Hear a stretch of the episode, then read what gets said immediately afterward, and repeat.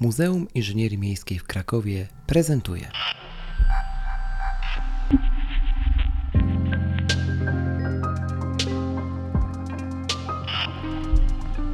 Mimcast. Miasto i my.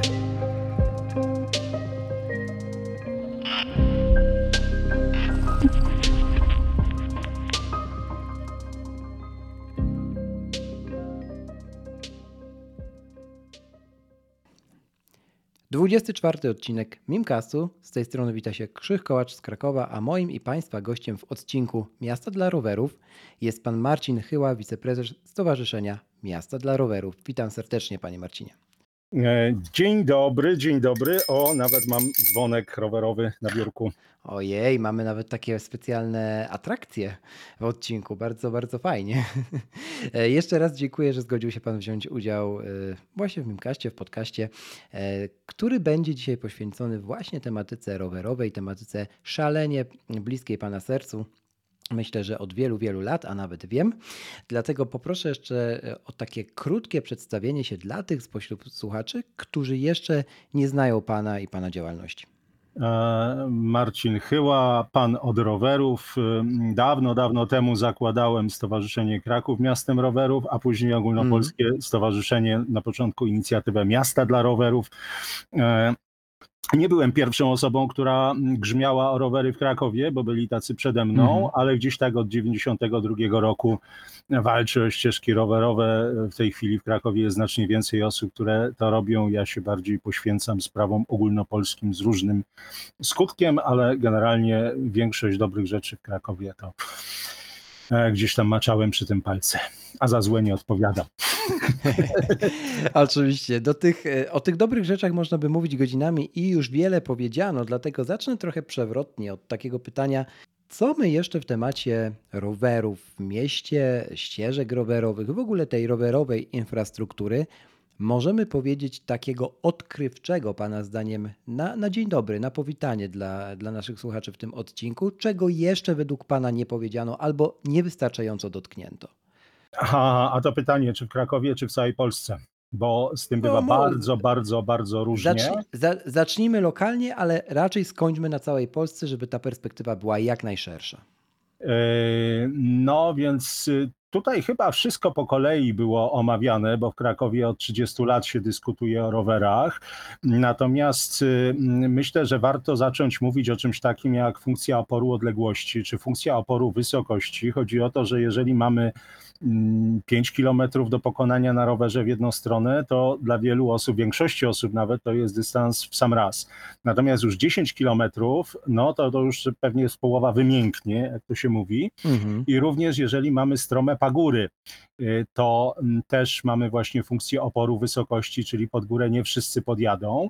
I z tym zaczyna się Kraków pomału mierzyć, dlatego że infrastruktura rowerowa w Krakowie, aczkolwiek powstaje powoli, zbyt wolno, to właśnie zaczyna docierać do takich terenów właśnie bardziej pagórkowatych. To już widać na tej półkilometrowej kładce wzdłuż ulicy Mhm. Kamińskiego, gdzie część osób, uwaga, pcha rowery pod górę, mimo że tam wcale tak stromo nie Mhm. jest, ale byliśmy przyzwyczajeni do tego, że Kraków jest płaski. E, Mhm. Jeszcze zabawniej będzie na e, trasie Łagiewnickiej, która ma e, całkiem spory komponent rowerowy, czy na przykład na ulicy Strzelców, gdzie też się buduje, a może już się zbudowała, bo miesiąc temu byłem ostatnio, e, infrastruktura rowerowa. Także właśnie odległość i wysokość to zaczyna być e, nowe wyzwanie w Krakowie. Mhm. Y, Takie miasta jak Gdańsk, że mają 100 metrów wysokości, czyli mówię, że w Krakowie jest to pewnego rodzaju nowum, natomiast niektóre miasta z problemem wysokości się borykały od samego początku, bo Gdańsk od samego początku, jak buduje infrastrukturę, miał świadomość, że są odcinki, gdzie po prostu jest bardzo stromo i e, część rowerów będzie po prostu aż pchana, bo, bo, bo, bo- bo takie jest pochylenie podłużne i, i taka, Mhm. takie przewyższenie.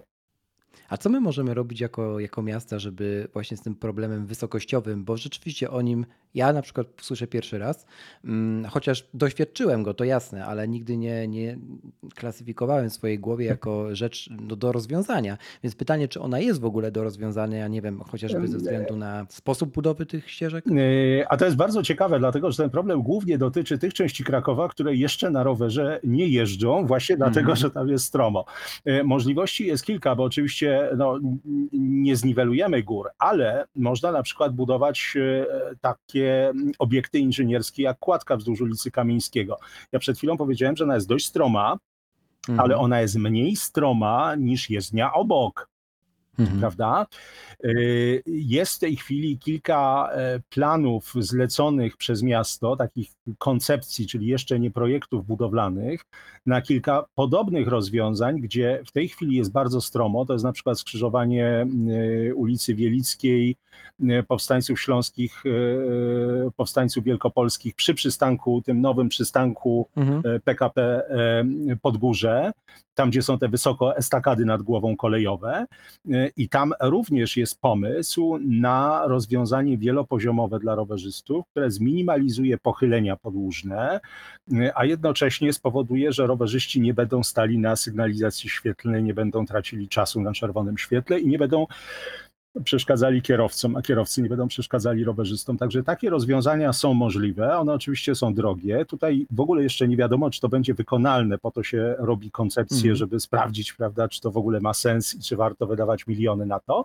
Natomiast jeżeli się okaże, że to ma sens, to owszem, może się okazać, że dla wielu osób jazda na rowerze stanie się znacznie wygodniejsza, a dla części wręcz nawet możliwa, tam gdzie się dotychczas albo bali, albo no, było to za duże wyzwanie dla nich. Szaleno, szalenie istotną rzecz poruszył Pan w tym ostatnim zdaniu, czyli żeby jedni drugim nie, nie przeszkadzali, czyli kierowcy rowerzystom, rowerzyści kierowcom, a gdzieś jeszcze mm, jedni i drudzy bywają raczej częściej niż rzadziej pieszymi. Ta synergia bycia y, różnego rodzaju reprezentantem e, ruchu komunikacyjnego w mojej ocenie jest szalenie istotna i zdecydowanie za mało o niej mówimy. Podam przykład. Znajomy ostatnio powiedział mi, że mm, zupełnie inaczej prowadzi mu się teraz samochód, kiedy zaczął również być rowerzystą, cyklistą. Zupełnie inaczej e, dostosowuje swoje zachowanie za kółkiem, kiedy wie, jak wygląda to po drugiej stronie.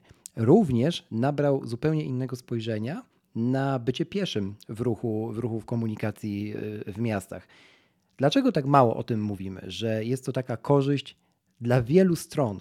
E, Dlatego, jak są, znaczy, nie wiem, czy za mało mówimy, natomiast rzeczywiście to jest niesłychanie istotne i tutaj e, ważniejsze jest nawet doświadczenie.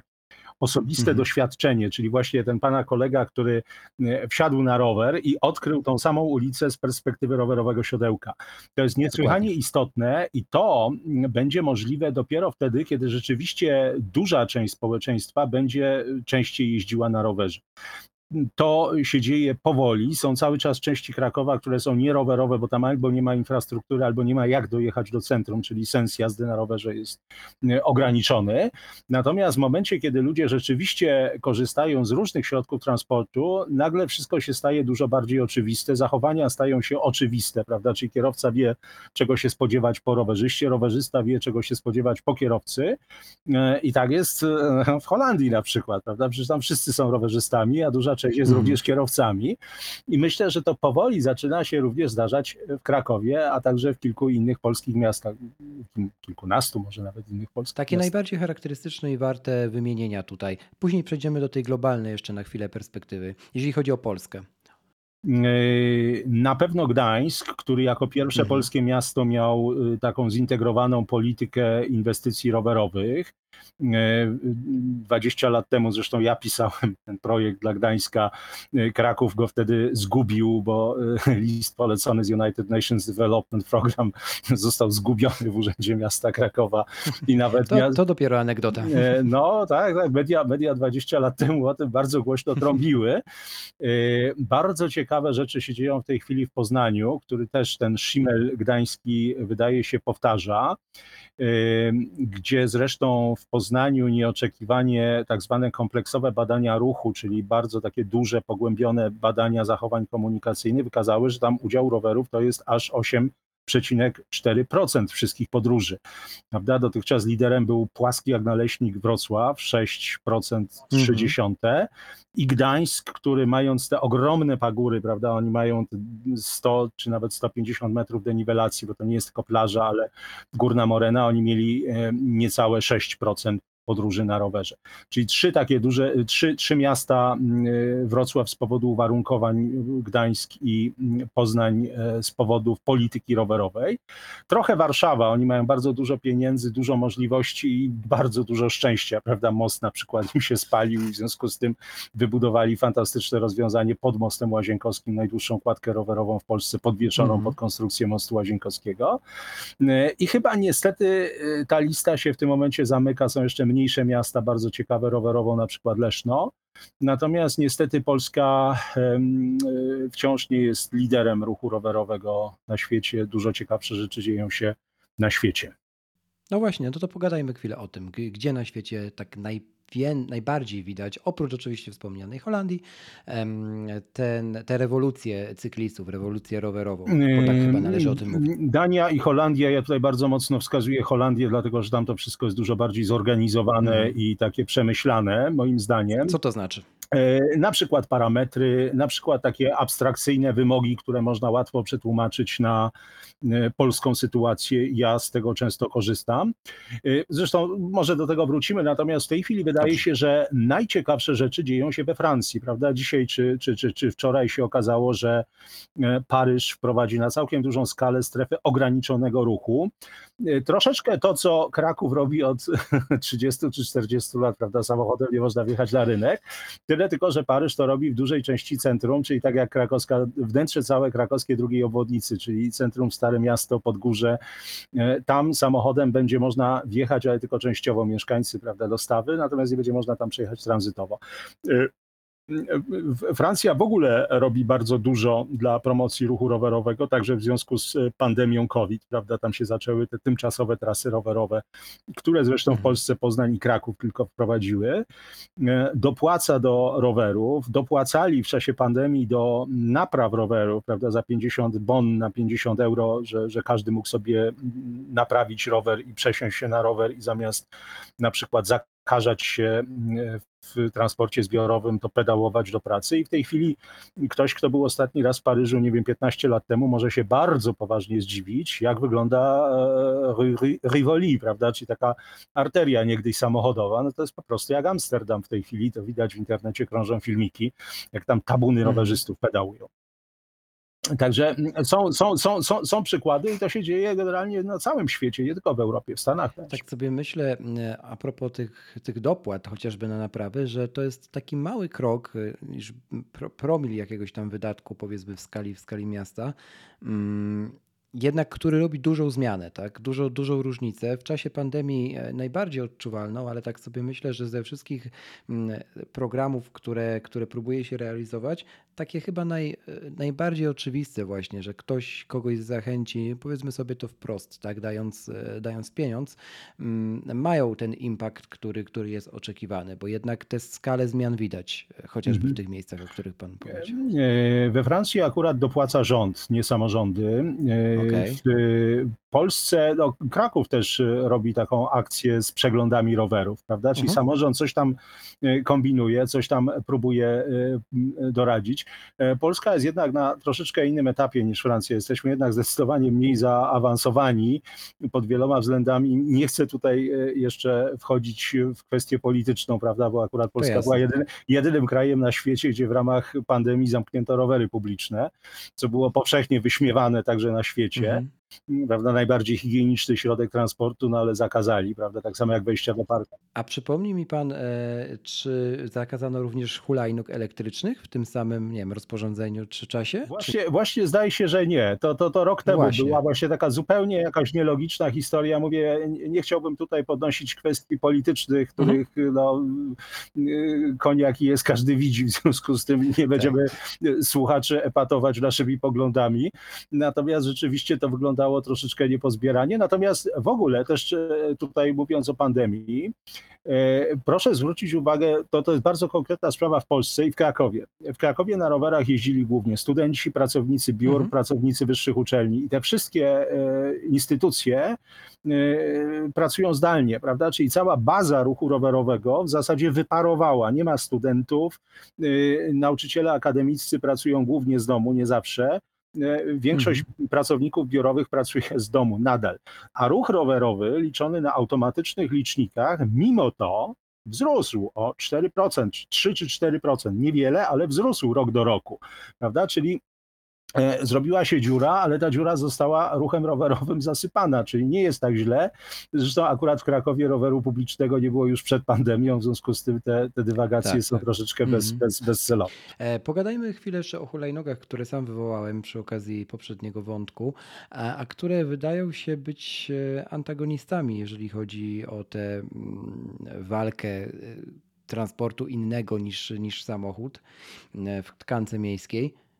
Co pan sądzi w ogóle o hulajnogach, tak, tak prywatnie? Tu jest kilka wymiarów. Po pierwsze, wymiar ekologiczny. E, moim zdaniem to jest bardzo duży problem, dlatego że to są tak naprawdę elektrośmieci, prawda? Czyli e, no, ilość, ilość, ilość energii, aż nie mówię e, o tym, czy to z mhm. elektrowni atomowej, czy z elektrowni na, na węgiel, ten prąd, ale po prostu no, ilość materiałów, trwałość tego, prawda, taka hulajnoga z ulicy, prawda, no to żyje przez trzy, miesiące, a potem trafia trafia podobno do recyklingu, a prawdopodobnie do, do, do, do huty, prawda? Więc mm, to jest jeden wymiar. Drugi wymiar jest taki, że to, co w tym momencie nas dotyka najbardziej, to jest ten taki element jarmarczny, prawda? Wystawiane są mhm. hulajnogi mm, publiczne, opłacane i moim zdaniem to w ogóle przeminie, prawda? Model biznesowy tego jest szemrany, o czym są raporty na całym świecie, więc w Polsce prawdopodobnie też szemrany, znaczy nie mówię, że to jest przestępstwo, tylko że e, tam nie ma, no, są ujemne przepływy finansowe, to, to do tego mm -hmm. wszyscy mhm. dopłacają ci, ci którzy to, to mają z jakiegoś powodu e, i ja przypuszczam, że za kilka lat tego nie będzie, natomiast prywatne hulajnogi czy, czy urządzenia transportu osobistego, bo do tego jeszcze dochodzi nieprawdopodobnie prawdopodobny bałagan w przepisach, który nam właśnie Sejm, Senat i prezydent zafundowali. Teraz 20 maja zdaje się wchodzi nowelizacja hulajnogowa. To e, te prywatne hulajnogi, urządzenia transportu osobistego, one w jakimś stopniu zostaną, prawda? No tylko tak jak deskorolki, prawda? W latach 80. był wielki szał, a w tej chwili no, ktoś tam jeździ na deskorolce, prawda? No, Więc hulajnogi, mhm. hulajnogi takie prywatne, one, one, one zostaną, ale to będzie jakaś mikra część i, i to jest po prostu no, takie urządzenie, które no, pasuje na e, ścieżki rowerowe, drogi dla rowerów, pasy ruchu dla rowerów. E, I, I, tyle. No, nie ma co z tym robić wielkiej filozofii, a, a ten jarmarczny element y, hulajnóg publicznych po prostu trzeba przeczekać, aż zbankrutują wszystko. Mhm. E, wracając jeszcze do przykładów globalnych i, i odnosząc to powoli na, na, ponownie na grunt polski, powiedzieliśmy sobie o tym, że to nie, że tych miast, które się tak wy, wybijają u nas w kraju mm, z infrastrukturą rowerową nie, nie jest aż tak wiele, jakby można było oczekiwać. Zatem wydaje się, że ten argument osiągnięcia szklanego sufitu w rozmowach w ogóle o, mm, o rowerach w miastach wcale tego sufitu nie, nie dotknął jeszcze. Więc pytanie o takie trzy według Pana najważniejsze teraz innowacje, rzeczy, cele, mm, którymi w najbliższych powiedzmy powiedzmy 5-10 latach powinny się miasta zająć w Polsce, ale też i. Myślę, że tutaj najważniejsze to jest priorytetyzować ruch rowerowy. Mhm. E, co to znaczy priorytetyzować? To znaczy rowerem powinno być bliżej, bliżej, liczone w metrach niż samochodem. Bliżej i szybciej to jest liczone w minutach, czyli e, rower nie stoi 10 minut na czerwonym świetle i to na 10 sygnalizacjach, tylko jedzie cały czas, a samochodem jest trochę bardziej dookoła. I teraz, jeżeli się przyjrzymy temu, co robi Kraków, to właśnie na przykład kładka wzdłuż ulicy Kamińskiego. E, tam rowerzyści nie tylko na samej kładce, ale na całym ciągu wzdłuż ulicy Kamińskiego mają pięć sygnalizacji mniej niż samochody czego kierowcy w ogóle nawet nie zauważają, bo, bo to w ogóle nie ma nic wspólnego z kierowcami. E, rowerzyści też pewnie nie zauważają. Co więcej, dokładnie to samo jest na ulicy Mogilskiej. Prawda? Samochody hmm. stają co chwila na czerwonym świetle, a rowerzyści myk, myk, tylko na Rymarskiej e, stoją czasem na, na czerwonym świetle. E, I to być może w ogóle jest kompletnie nieoczywiste, bo to jest przeźroczyste, tego nikt nie zauważa, nikt nie robi o to afery, a to właśnie tak ma działać. Prawda?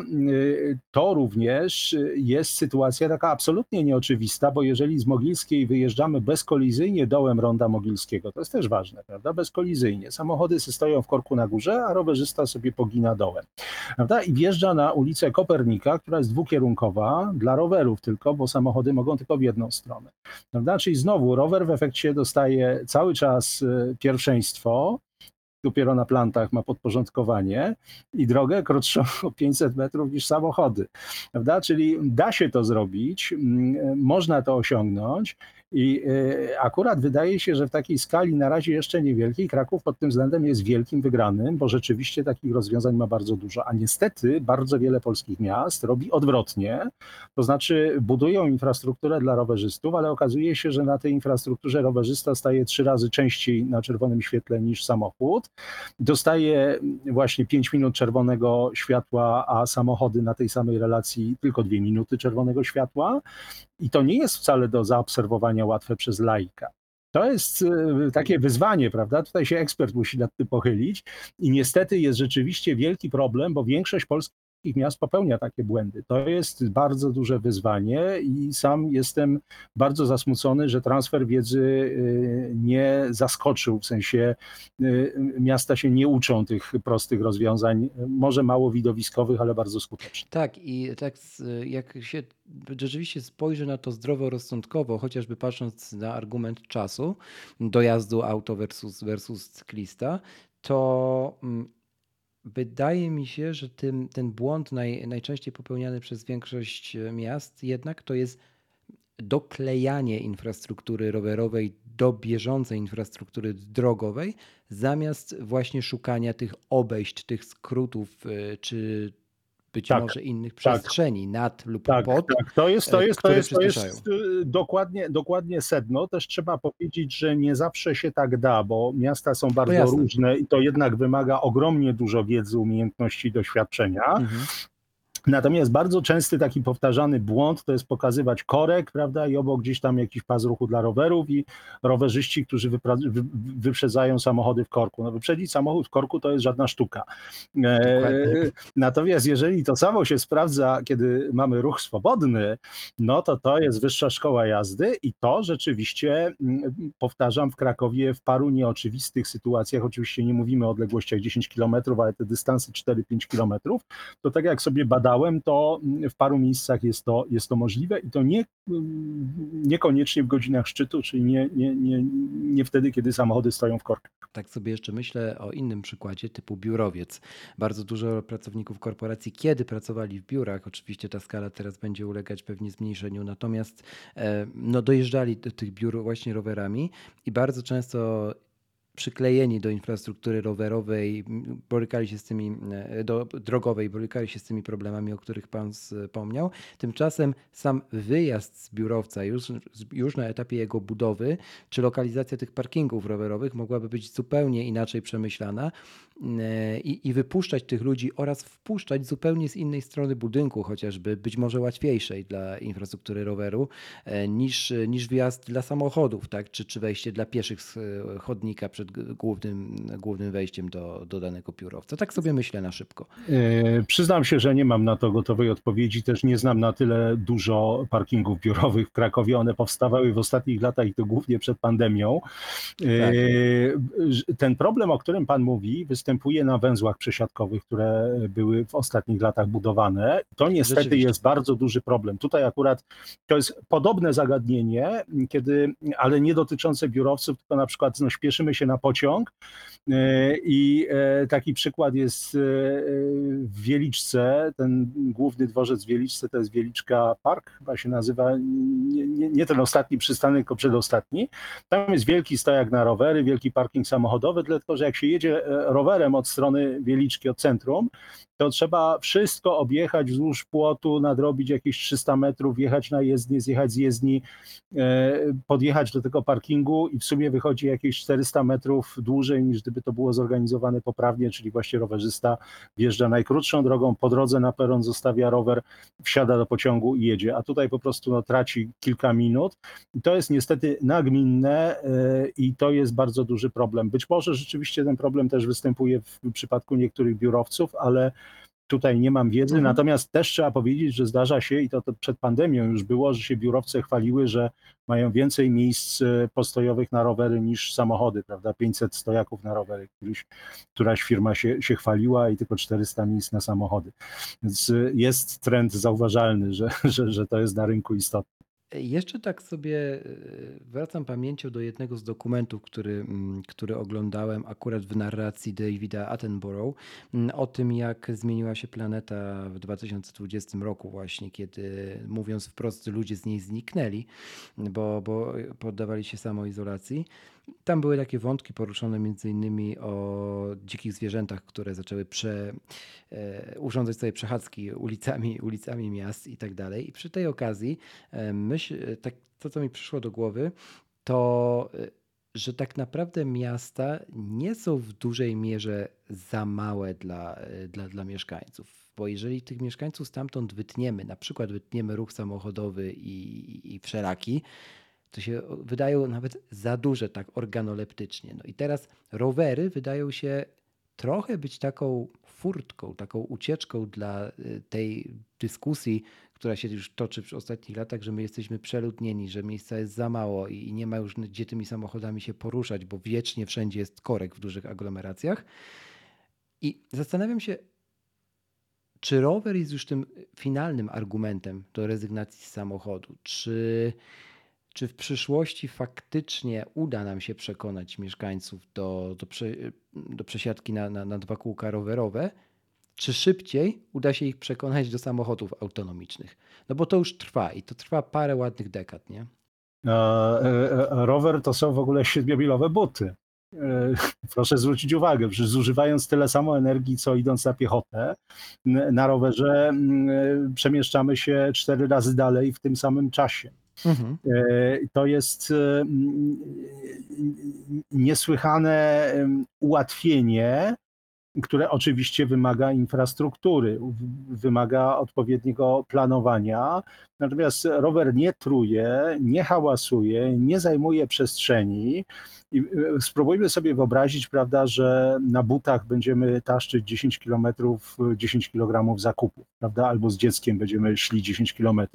No to i zajmuje dużo czasu i jest po prostu zwyczajnie męczące, chociaż jako no, aktywność fizyczna pewnie pożądane.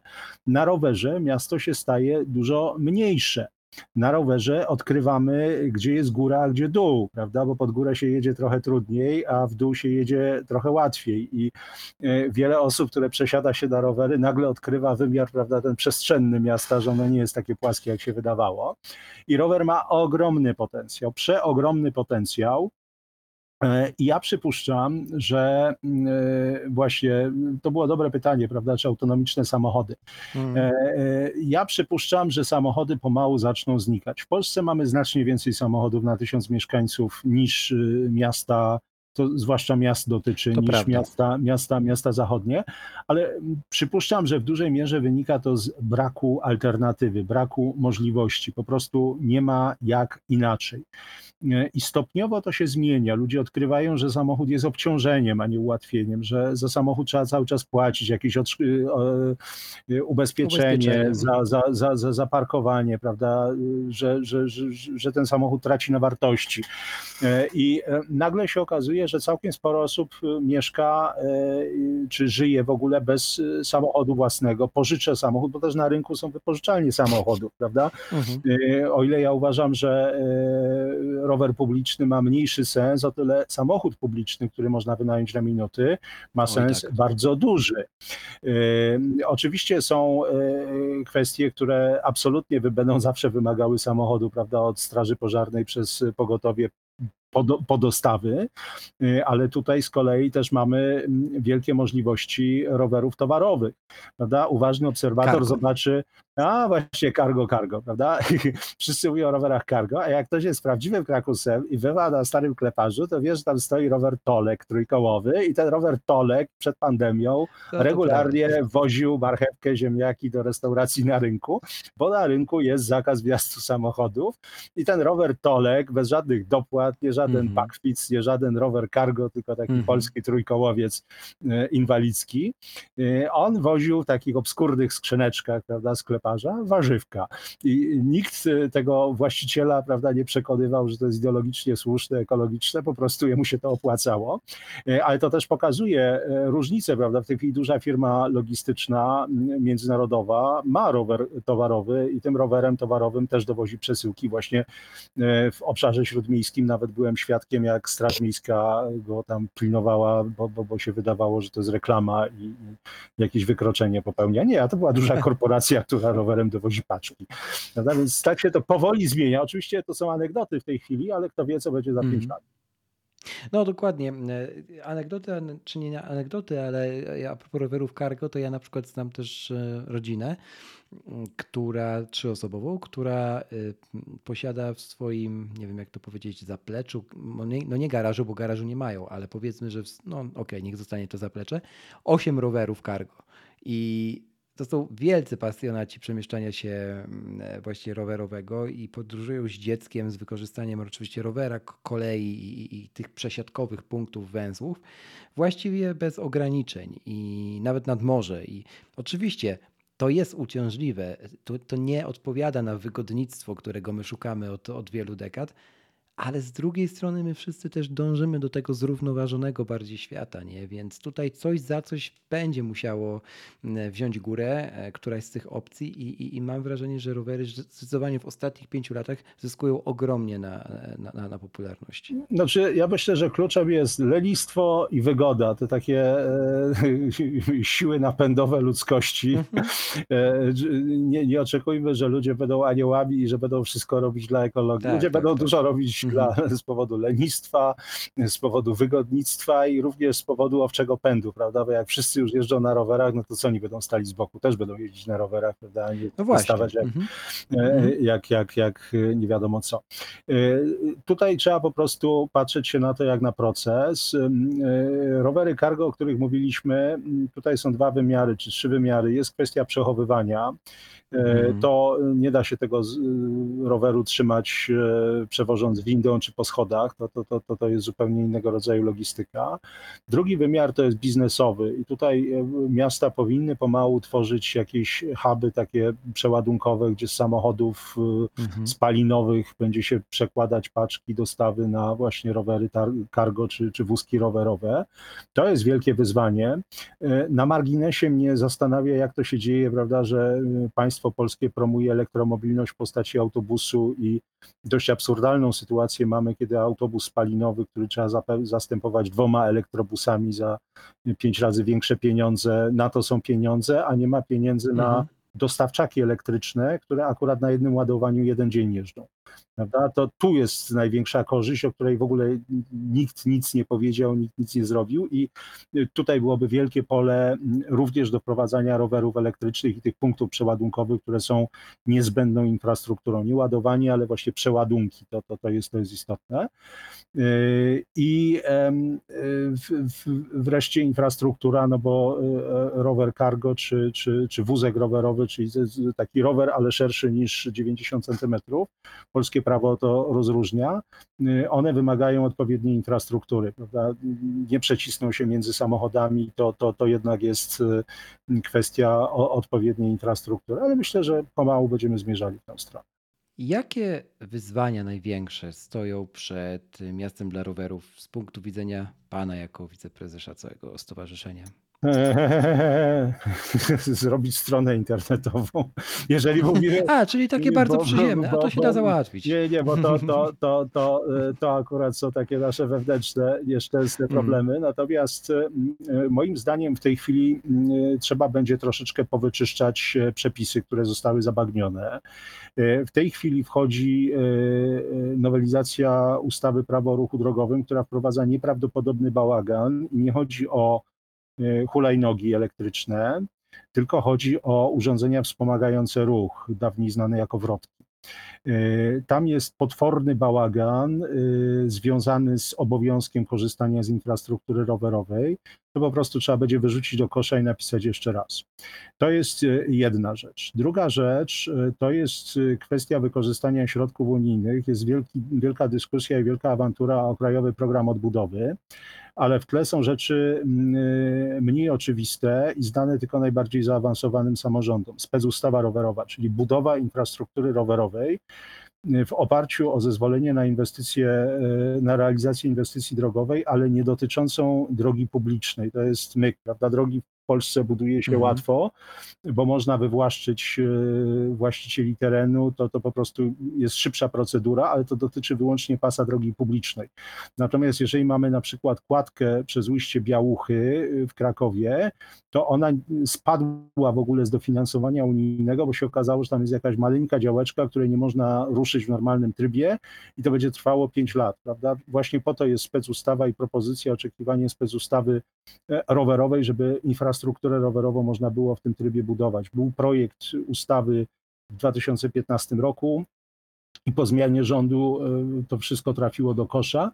I to jest problem, bo to jest kwestia absorpcji środków unijnych y, przez najbardziej zaawansowane samorządy. Prawda? Małopolska bu- tworzy program Velo Małopolska, tych międzymiastowych turystycznych tras rowerowych i też były ogromne opóźnienia właśnie związane z y, wykupem terenu, to jest Eurovelo 11 z Krakowa do Proszowic i dalej. Y, To, y, to, jest, to jest bardzo, bardzo poważne y, wyzwanie.